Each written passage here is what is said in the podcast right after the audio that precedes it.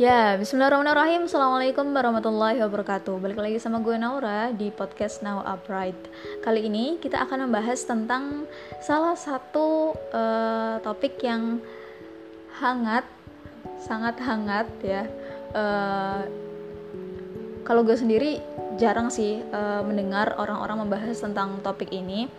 Hanya uh, banyak orang-orang yang sekarang itu membahas berbagai isme dan isu yang gak ada juntrungnya gitu. Juntrung tuh ujungnya gitu. Jadi mereka tuh gak membahas yang gue lihat ya kayak uh, apa para pejuang kesetaraan terus uh, apa ya banyak lah. Maksudnya orang-orang yang membicarakan mental mental health issues itu tanpa uh, mencari akar uh, masalah gitu dari dari adanya permasalahan-permasalahan ini gitu. Sehingga uh, karena nggak membahas dari awal dan uh, pemahaman dasar gue nggak bilang gue paham ya gue nggak bilang gue paling paham nggak. Cuma uh, ini uh, salah satu hal yang salah satu topik yang paling uh, krusial paling penting banget paling fundamental banget tapi sering diabaikan gitu sama uh, orang-orang. Orang-orang tuh kebanyakan pada fokus sama masalahnya, kemudian solusi pragmatisnya seperti apa, solusi praktisnya seperti apa gitu. Nah, di sini kita akan membahas tentang moral dilema gitu ya. Jadi kalau misalnya kita lihat banyak uh, perjuangan-perjuangan ya, baik yang dilandaskan dengan sakit hati atau yang dilandaskan dengan pengalaman pribadi maupun uh, yang dilandaskan pada hasil antara hubungan uh, individu dengan individu yang lain, dengan lingkungannya dan lain sebagainya. Atau bahkan buku-buku dan sumber-sumber referensi lain yang akhirnya uh, itu menjadi semacam dasar pemikiran banyak orang, masing-masing orang. Dan itu yang akhirnya uh, apa menjadi sesuatu yang menurut mereka mereka yakini dan patut uh, diperjuangkan gitu. Sama sih maksudnya setiap orang termasuk gue juga pasti punya lah pasti punya uh, apa referensi itu pengalaman teman-teman dan lain sebagainya yang membuat gue tuh yakin untuk misal membuat podcast atau uh, apa menulis atau uh, apa ya mengutarakan pendapat istilahnya gitu. Istilahnya uh, setiap orang itu pasti memiliki kecenderungan untuk uh, menyatakan atau uh, mengusahakan apa-apa yang diyakininya. Itu setiap manusia pasti punya kecenderungan tersebut gitu ya. Nah cuma uh, atas segala permasalahan yang kayaknya ruwet banget gitu ya. Soal humanisme dan lain sebagainya kadang orang tuh uh, lebih banyak bingung lebih banyak apa ya solusi yang ditawarkan tuh justru gampang ya. Jadi landasannya itu sebenarnya yang mereka pakai itu apa tuh nggak jelas gitu. Karena eh, rata-rata buku psikologi gue nggak bilang semua yang dari barat itu jelek ya cuma rata-rata buku psikologi barat uh, pun ada beberapa yang timur itu tidak dilandasi dengan sesuatu yang sifatnya sabit atau tetap. Gitu. Jadi kebanyakan orang itu sekarang uh, menanggapi sesuatu itu sifatnya reaksional gitu. Padahal kalau as a muslim balik lagi as a muslim kita harus uh, punya uh, apa pegangan yang kuat gitu ya yaitu nilai-nilai Islam itu sendiri gitu kan. Nah soal dilema moral ini ketika uh, manusia itu sendiri dihadapkan sama berbagai hal ya. Misal gue uh, ambil satu kasus ya satu contoh. Ada beberapa contoh sebenarnya. Misal uh, katakanlah lu nih lu ada di posisi uh, misal umur lu tuh lima tahun. Terus uh, apa di rumah tuh lu tuh cuma bertiga sama bapak sama ibu lu. Terus habis itu uh, suatu ketika kedua orang tua lu nih mau keluar rumah. Terus lu dikasih pesan sama orang tua lu. Jangan keluar rumah ya gitu. Jangan keluar rumah uh, apa jangan biarin satu orang pun masuk ke dalam rumah. Misal gitu. Nah uh, lu ngangguk kan? Sebagai anak kecil pasti lu ngangguk kan? Lu uh, apa pasti nurut-nurut aja gitu kan? Di sisi lain juga ya karena lu takut gitu. Maksudnya sebagai anak kecil sendirian di rumah suruh jaga rumah terus tiba-tiba orang tua lu pesan kayak gitu kan pikiran anak kecil kan kadang overthinking ya gitu. Cuma kadang e, orang dewasa nggak mengerti itu akhirnya nggak menjawab kenapa sih harus apa tidak boleh apa tidak memperbolehkan orang lain itu e, masuk ke dalam rumah ya gitu. Tapi di pikiran kita kan pasti udah udah netting maksudnya udah oh sesuatu yang dilarang nih berarti sesuatu yang berbahaya gitu. Atau di sisi lain tapi ada rasa penasaran pasti kan gitu. Cuma yang penasarannya itu akan terjawab setelah perkembangan moral kita itu uh, ada di tahap tertentu gitu. Nah kita bahas di tahap uh, perkembangan moral yang pertama. Orang-orang yang apa anak kecil ya misalnya anak kecil ketika dihadapkan pada posisi itu biasanya uh, akan uh, apa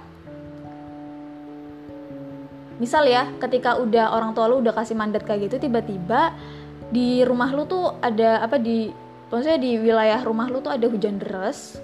Deras banget terus tiba-tiba ada uh, pengemis yang ngetok pintu. Terus bilang kalau dia udah nyari tempat berteduh di mana-mana tapi nggak nemu gitu. Dan nggak ada yang mau nerima gitu. Terus dia bilang sama lu e, boleh nggak neduh di rumah sebentar gitu? Numpang neduh gitu. Saya itu bajunya udah lusuh udah basah udah pokoknya udah menggigil kedinginan gitu pokoknya kasihan banget lah gitu. Nah di posisi itu anak kecil pasti tuh akan berpikir kayak orang kata orang tua gue nggak boleh kok gitu. Kalau misal gue apa izinin lu masuk berarti nanti orang tua gue bakal marahin gue gitu. Istilahnya udah dibilang jangan masukin ini malah masukin gitu. Sesederhana itu. Takut dimarahin sama uh, orang yang ngasih mandat gitu. Istilahnya di sini orang tua gitu ya. Kemudian di tahap yang kedua manusia itu akan uh, jika dihadapkan pada posisi tersebut dia akan kayak uh, aku bakal ngizinin dia masuk gitu ya. Tapi uh, apa eh barangkali dia bakal ngasih sesuatu ke saya. Si pengemis ini jadi uh, di tahap yang kedua ini kayak manusia tuh uh, kayak masih mengharapkan imbalan dari orang yang dia tolong istilahnya gitu. Itu tahap kedua. Terus tahap ketiga dia akan oke okay, uh, lu boleh masuk tapi uh, apa oh ya barangkali nanti uh, apa orang tua orang tua gue tuh bakal nguji gue gitu karena uh, gue tuh baik sama orang lain gitu. Jadi masih mengharapkan pujian dari orang. Bukan sesuatu yang bentuknya hadiah gitu ya dari orang yang dia tolong kayak tahap kedua tapi di tahap ketiga ini lebih dalam lagi. Eh lebih sederhana lagi uh, hanya pujian gitu seenggaknya dari orang tuanya. Kemudian di tahap keempat dia bakal uh, apa nggak boleh masuk gitu. Karena orang tua uh, sudah mengingatkan agar tidak memperbolehkan siapa pun masuk. Jadi bedanya tahap keempat sama tahap pertama tuh kalau tahap pertama lebih ke kayak ya udah gue takut aja gitu takut. Tapi kalau keempat tuh lebih diplomatis gitu. Gue lebih menghormati orang tua gue. Jadi uh, gue nggak bisa nerima lu di sini gitu. Istilahnya gitu ya. Terus di tahap selanjutnya di tahap kelima dia itu akan kayak uh, ya udah kan uh, apa? Katanya orang yang baik itu yang bermanfaat buat orang lain gitu. Menolong sesama itu sangat dianjurkan gitu istilahnya ya dalam agama Islam atau dalam nilai-nilai kebaikan lah istilahnya secara moral itu baik gitu. Siapa pun akan menilai itu baik gitu. Ya udah gue bolehin lu masuk gitu. Ini di tahap kelima ya. Tahap di mana e, manusia itu sudah terpengaruh oleh lingkungannya. Maksudnya dia itu udah ya mungkin baca buku atau berteman atau pernah berdiskusi dengan orang lain gitu. Udah ada faktor-faktor internal yang melandasi apa-apa yang dilakukannya. Kemudian masuk ke tahap keenam itu tahap paling ujung di mana hmm, ketika manusia dihadapkan sama posisi itu dia akan uh, oke okay, gue terima lu lu boleh masuk gitu ya. Dengan harapan eh, karena gue meyakini karena gue meyakini bahwasanya ini adalah perbuatan yang baik dan orang tua saya tidak akan marah dengan dengan uh, sesuatu ini gitu. Karena uh, apa jadi fair fair gitu. Yang di tahap 6 ini dia nggak mengharapkan balasan dari sepengemis nggak mengharapkan pujian dari apa orang tuanya gitu ya. Tapi dilandaskan dengan pengetahuan dan keyakinan gitu. Jadi dia bertindak atas uh, pemahaman dan apa ya de dengan pemahaman dan keyakinannya sendiri gitu. Jadi dia itu bergerak atas hatinya sendiri gitu. Bukan karena faktor lingkungan atau faktor lain sebagainya gitu. Dia sudah bisa berijtihad gitu. Dia sudah bisa menetapkan oh sekiranya yang saya butuhkan tuh ini. Yang saya harus lakukan tuh ini ketika ada di posisi ini gitu. Nah itu uh, dari satu cerita ya uh, ini se uh, ini sebenarnya tahapan yang apa gue ambil dari salah satu referensi gue di mana uh, apa kadang tuh kita gak memperhatikan ini gitu. Gak memperhatikan adanya tahapan-tahapan ini gitu. Karena uh, termasuk orang-orang yang membahas tentang mental health issues itu kadang kita tuh mengabaikan uh, sesuatu yang paling dasar ya istilahnya. Sehingga apa-apa yang kita perjuangkan tuh kadang melawan tentang kemanusiaan ya. Yang kita perjuangkan tentang kemanusiaan atau humanisme itu kadang melawan sifat dari manusia itu sendiri gitu. Kadang mendegradasi nilai dari kemanusiaan itu sendiri gitu. Kita menafikan bahwasanya uh, manusia itu lemah manusia itu terbatas pikiran ruang dan waktu gitu ya atas ruang dan waktu Kemudian uh, manusia itu bergantung pada siapa dia berteman, pada apa yang dia baca, apa yang dia dengar, apa yang dia uh, patuhi atau siapa yang jadi teladannya gitu ya. Atau bahkan siapa Tuhannya itu kan sangat mempengaruhi gitu. Uh, apa tentang uh, pertumbuhan ya atau perkembangan moral ini gitu. Nah, ada satu ada dua kasus lagi sih sebenarnya yang apa famous ya maksudnya terkenal banget uh, soal moral dilema ini. Yang kedua itu ada namanya uh, kasus Haynes dilema. Jadi di mana si Haynes ini punya apa punya satu keluarga si Haynes ini laki-laki ya punya satu keluarga terus istrinya lagi sakit terus uh, pokoknya kayak mau melahirkan atau sakit lah ya nggak ngerti pokoknya harus dibawa ke rumah sakit sedangkan dia itu nggak uh, punya penghasilan yang cukup istilahnya miskin ya miskin. Ya punya punya rumah sih sebenarnya. Miskin kan nggak punya rumah ya. Punya rumah cuma uh, apa penghasilannya itu nggak stabil gitu. Karena dia ngemis lah tuh. Dia ngemis ngemis ngemis ngemis. Terus uh, ternyata dapatnya itu dia tahu obatnya itu mahal banget gitu. Karena perusahaan obat itu tuh menjual 10 kali lebih uh, mahal dari harga produksi aslinya. Karena uh, riset dan penelitiannya itu mahal banget sehingga perusahaan perusahaan menganggap bahwasanya mereka harus mengambil untung dari uh, penjualan obat itu. Terus tahu dapat dari ngemis itu cuma setengahnya dari harga obat. Terus dia tuh nyamperin lah tuh perusahaan itu terus minta tolong uh, saya cicil deh gitu. Saya cicil karena istri saya lagi sekarat gitu. Nah terus si Hans ini, teori Hans ini dihadapkan pada tiga pilihan yang pertama, uh, apakah dia harus si Hans ini harus mencuri dan kemudian uh, dia di penjara, sedangkan istrinya sembuh. Kemudian yang kedua, apakah dia ini nggak apa nggak usah mencuri dan karena mencuri itu uh, nggak baik dan lain sebagainya. Kemudian yang ketiga, apakah dia harus uh, apa mencuri dan dia nggak harus dipenjara karena itu adalah suatu dia memperjuangkan suatu keadilan gitu. Nah terus di sini tuh dijelasin ya di sumber referensi gue tuh dijelasin kalau misalnya hands itu uh, apa ketika ketika kita di, dihadapkan pada posisi itu dan kita memilih untuk tidak uh, tidak mencuri dan membiarkan uh, apa hal itu terjadi gitu ya kita ada di masa pra konvensional katanya. Jadi sebelum sebelum kita itu uh, katakanlah sebelum kita itu bermoral gitu katanya. Jadi dianggap kuno istilahnya gitu. Kemudian yang kedua kalau misal kita menganggap bahwasanya uh, mencuri dan biarin aja nggak apa-apa di penjara gitu ya.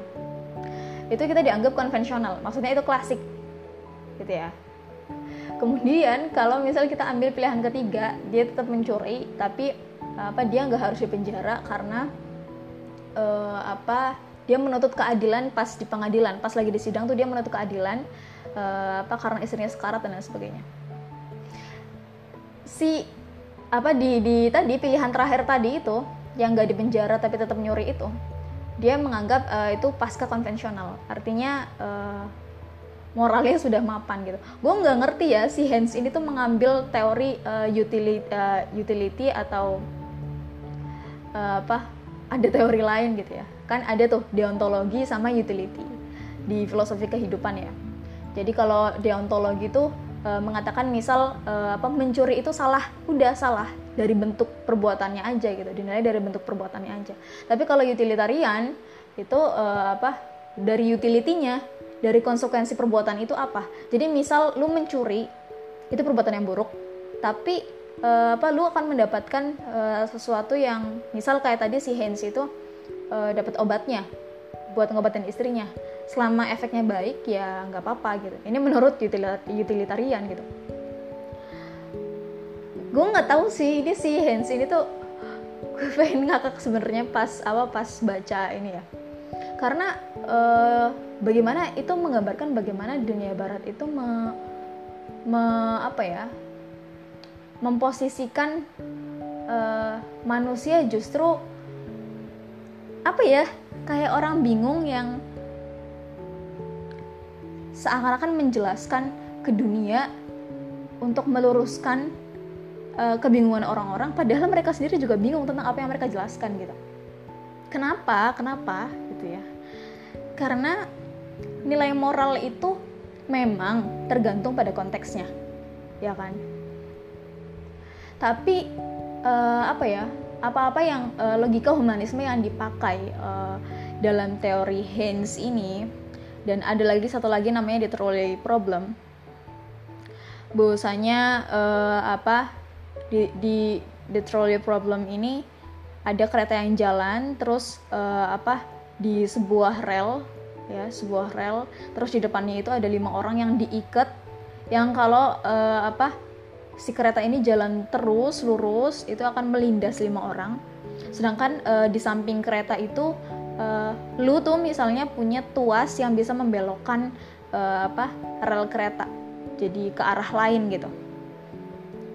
Sedangkan di rel kereta yang lu belokin itu ada satu orang yang diikat. Itu jadi 5 banding satu gitu ya nah di situ lu dihadapkan pada posisi yang kayak uh, apa lu pilih mana gitu? Mau yang apa apa membiarkan kereta ini melindas lima orang atau satu orang gitu. Logikanya kan pasti ya mending yang satu orang dong gitu. Tapi gimana kalau kita di posisi yang satu orang ini adalah orang yang kita kenal dan lima orang ini adalah orang asing gitu? Akan akan lebih rumit lagi gitu. Kita menilai sesuatu itu baik atau buruk gitu ya inilah yang disebut moral dilema ya kan? Kayak tadi di kisah yang pertama si anak ini apakah menganggap bahwasanya uh, apa kata-kata orang tua tadi nggak boleh? Apakah saklek nggak boleh gitu? Atau teorinya Haynes apakah uh, apa mencuri itu nggak boleh? Selamanya nggak boleh gitu. Kemudian uh, di kasus the problem apakah uh, lebih baik menindas lima orang atau satu orang gitu. Tapi gimana kalau misal satu orang itu adalah orang yang kita cintai? Dan lima orang ini adalah lima orang asing. Atau satu orang ini adalah satu orang yang dermawan sangat baik kepada, uh, ke, kepada banyak orang dan lima orang ini adalah penjahat. Kan akan akan ini ya akan ambigu gitu. Nah, maka yang gue lihat dari tiga kasus ini adalah uh, apa ya semacam gak gak pas gitu. Jadi yang uh, apa yang dikeluarkan sama apa para pakar ini orang-orang yang mengeluarkan teori ini atau filosofi kehidupan yang entah dari oke okay lah dari Yunani gitu ya di di apa diolah dan hasil pikir segala macam gitu. Mengandalkan logika humanisme yang sekuler gitu ya. Maksudnya ya kemanusiaan dan lain sebagainya. Bahkan ada beberapa logika humanisme yang menganggap ya kayak apa Sigmund Freud mengatakan bahwasanya Tuhan itu adalah candu gitu ya. E, se, apa se, sebagai pelarian manusia dari dari apa pahitnya kehidupan istilahnya gitu. Hanya ya tadi ya maksudnya bagaimana mereka itu bisa menilai sesuatu sebelum mereka memasukinya gitu. Gue nggak tahu sih uh, apa Freud tuh dulu uh, agamanya apa? Beragama atau enggak dari lahir kan nggak tahu ya gitu. gue juga nggak tahu maksudnya gitu. Cuma uh, apa bagaimana seseorang itu bisa menilai sesuatu tanpa uh, apa ya tanpa melakukan penelusuran yang uh, apa sih tanpa melakukan penelusuran yang objektif istilahnya gitu memang pendapat manusia itu pasti sangat subjektif, pasti sangat didasarkan pada sesuatu yang ya tadi latar belakangnya, pengalamannya, uh, buku yang dia baca, siapa yang jadi panutannya dan lain sebagainya gitu ya. Hanya uh, balik lagi gitu. As a Muslim keluar dia tuh uh, apa jurusan apa jurus jurus kata-katanya tuh. As a Muslim gitu ya. Bahkan banyak kok mayoritas uh, apa kita uh, muslim muslimah gitu ya yang istilahnya jadi 90% gitu ya penduduk uh, apa mayoritas gitu di Indonesia. Kadang masih bingung gitu sama uh, apa konsep kemanusiaan ini gitu. Karena balik lagi gitu orang tuh nggak memandang sesuatu itu berdasarkan uh, apa agama itu masih didasarkan pada oh ya udah ibadah itu apa ibadah itu ritual aja gitu. Ibadah uh, apa ibadahnya kayak kaum kaum sufi kayak kaum kaum tarekat gitu gitu. Jadi uh, masa bodoh dengan pemerintahan masa bodoh dengan uh, apa kesehatan mental masa bodoh dengan uh, apa sex education dan lain sebagainya gitu hingga hal-hal uh, yang apa mungkin uh, apa kaitannya karena pengalaman dan lain sebagainya misal dikaitkan dengan rukyah atau dikaitkan dengan apa hal-hal yang sifatnya mistis oleh sebagian oknum gitu ya. Orang-orang yang uh, apa memiliki pemahaman agama yang istilahnya tawazun ya maksudnya seimbang pasti uh, gak akan lah kayak gitu gitu ya. Kita lihat gimana uh, apa kalau kita lihat sejarah tuh kan fungsinya kan bukan buat dipelajari dan diapal tanggal tahunnya doang ya. Tapi kayak kita tuh ngambil hikmah dari sana gitu. Kok kok bisa sih gitu ya? Maksudnya umuran Muhammad Al Fatih itu uh, apa bisa membebaskan uh, apa Konstantinopel gitu. Menaklukkan Konstantin Konstantinopel. Terus uh, kok bisa sih uh, apa Imam Syafi'i itu jadi hafiz gitu di umur 10 tahun gitu. Atau siapa lagi lah gitu. Banyak tokoh-tokoh yang istilahnya kalau ada di zaman sekarang banyak sih mungkin di zaman sekarang juga cuma nggak di up sama media ya. Ini kejahatan media juga sih. Uh, apa? Banyak gitu. Sebenarnya yang apa ya? Mereka tuh nggak kayaknya nggak masalah-masalah amat gitu sama sama apa soal kecewa sedih terus trauma dan lain sebagainya. Bahkan kata kata uh, apa Ustadz Asep Sobari tuh ya beliau tuh bilang seseorang yang apa seseorang yang dia itu punya prinsip dalam hidupnya dia tuh tidak akan pernah mengalami yang namanya trauma dalam kondisi apa pun jika dihadapkan pada kondisi apa pun. Gitu. itu bayang, uh, bayangkan itu yang terjadi pada uh, sahabat-sahabat Nabi ya. Ada beberapa sahabat yang umurnya masih kecil gitu ya tapi udah jago memanah gitu. Ketika apa berhadapan dengan Rasulullah kemudian uh, Rasul eh ya Rasul saya ingin ikut uh, berperang gitu.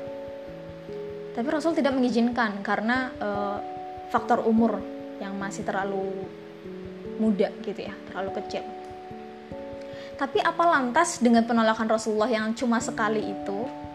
Terus uh, apa anak-anak kecil ini nih yang jago-jago manah ini kemudian pas gedenya itu nggak memperjuangkan Islam lagi. Masih memperjuangkan men. Jadi apa ya ketika ketika uh, fenomena yang kita temui dari tiga tiga kasus tadi itu uh, Haynes terus apa the, the, the trolley problem terus apa dilema moral yang satunya tuh yang sama. Uh, apa pengemis. Itu tuh semacam uh, refleksi ya. Maksudnya uh, membuat kita tuh uh, ngaca gitu. Kalau misal selamanya kita tidak menjadikan apa-apa yang kita dalam hidup ya kita nggak punya pegangan atau kita nggak punya uh, sesuatu yang kita perjuangkan ya hidup kita memang akan useless gitu loh. Akan sia-sia. Nggak usah orang lain bilang hidup lu sia-sia deh. Pasti lo bakal ngerasa kayak duh gue tuh ngapain sih? Gitu. Tapi ketika ada sesuatu yang lo yakini dan lo menyuarakan itu lo memperjuangkan itu gitu ya. Bahkan lo rela untuk uh, apa ketika kan uh, puncaknya itu kan ada pada memang bukan pada uh, bukan pada orang-orang uh, mengaminkan maksudnya meyakini juga apa yang lo yakini. Memang puncaknya bukan itu. Hanya seenggaknya orang-orang tuh bisa menerima itu. Gitu. Karena logika kita yang berdasar gitu. Pendapat kita yang berdasar gitu. Nah yang yang kita lihat sekarang kan dari fenomena tadi yang tiga tadi itu kan banyak akhirnya juntrungnya nih ujungnya ini pada dilema moral tadi kan. Dilema moral ini ujungnya lagi kepada apa sih gitu ya? Karena orang-orang nggak punya prinsip gitu. Istilahnya mereka nih akhirnya orang-orang yang bingung orang-orang bingung ya udah bingung dapat solusi dari orang-orang yang juga bingung gitu karena nilai humanisme itu akan selamanya apa ya kalau humanisme sekuler itu akan selamanya eh, nggak uh, tetap gitu. Akan selamanya dianggap subjektif akan selamanya dianggap uh, ya tergantung konteksnya gitu. Ya kalau misalnya misalnya si A ya si A berpendapat ya kalau misalnya apa uh, lu ada di posisi itu ya lu juga bakal ini kok bakal mensahkan yang namanya mencuri gitu orang demi kebaikan nenek lu misal atau istri lu gitu buat beli obat gitu kan. Nggak ada nggak ada uh, pelajaran uh, meta ethics di sana gitu. Nggak ada uh, apa nggak ada sama sekali kayak uh, apa ya peran peran hukum yang tetap di sana gitu ketika landasan hukum yang kita punya nggak tetap kemudian kita tidak ada sesuatu yang kita yakin ya udah bablas gitu. Pun sama halnya ketika landasan hukumnya tidak tetap. Dan kita meyakini itu. Mau serongrong apa pun kita memperjuangkan si apa hukum yang tidak tetap ini gitu ya. Ya akan capek sendiri gitu. Lu coba aja deh gitu ya. Maksudnya akan capek sendiri itu maksudnya bakal sia-sia gitu. Karena hakikatnya manusia itu pasti akan bersandar pada sesuatu yang metafisik gitu. Kalau misal kita pakai logika materialisme ya masih mempertanyakan apakah Tuhan itu ada? Gue tanya sekarang apa listrik itu ada gitu? Kenapa kipas itu bisa uh, muter? Apa atom itu ada gitu atau partikel-partikel udara apakah itu ada? Oke lah bisa diteliti pakai mikroskop gitu ya. Kalau misal uh, manusia itu apa ya menyadari tentang kekurangannya gitu keterbatasannya atas indranya gitu ya. Memikirkan bagaimana uh, dari mana asalnya untuk apa dia hidup di dunia dan akan ke mana dia kembali pasti dia akan memikirkan tentang kemungkinan adanya Tuhan gitu.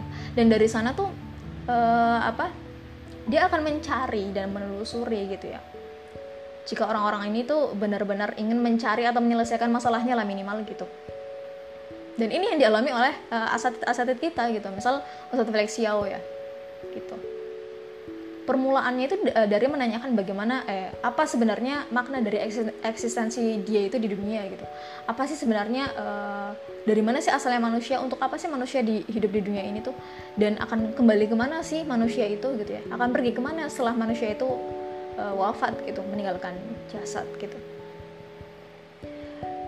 Kalau orang yang ya tadi ya balik lagi itu kan soal hidayah ya. Kita mau gembor se apa se keras apa pun gitu ketika Allah tidak menghendaki itu gitu ya ya maka nggak bakal jadi gitu. Makanya eh, apa sebagai apa buat teman-teman gue yang muslim nih kita akan selalu diberikan dua jalan kok sama Allah gitu. Baik sama buruk gitu. Tinggal kita dan kita diberikan jalan tuh ya diberikan kesempatan. Artinya di setiap detik itu Allah memberikan uh, apa kesempatan untuk melakukan mana yang baik mana yang buruk lu mau baik nih gini nih gitu. Tapi balasannya gini gitu. Lu mau buruk nih gini nih tapi balasannya gini gitu. Setiap kita pasti udah tau lah balasannya seperti apa cara-caranya seperti apa gitu ya. Kemungkinan kita pasti merasa oh kita mungkin loh jadi benalu gitu. Oh kita mungkin loh uh, jadi sesuatu yang baik gitu. Tapi kan kadang banyak godaannya gitu. Dan godaan ini maksudnya banyak godaan untuk melakukan kebaikan dan banyak juga godaan untuk melakukan keburukan kan gitu faktor pemungkinnya pasti ada gitu. Kalau di apa kalau di faktor pemungkin tuh ada di buku analisis kesehatan gitu. Di apa di salah satu apa buku rujukan buat penelitian ya itu faktor pemungkinnya itu pasti ada gitu. Hanya uh, faktor utamanya apa nih gitu? Faktor utamanya adalah kecenderungan manusia, fitrah manusia menuju kepada kebaikan. Kebaikan itu adalah apa-apa yang membuatnya tenang, gitu. Sedangkan ketenangan itu hadir ketika kita menyadari bahwasanya diri kita itu bukan milik kita. Jadi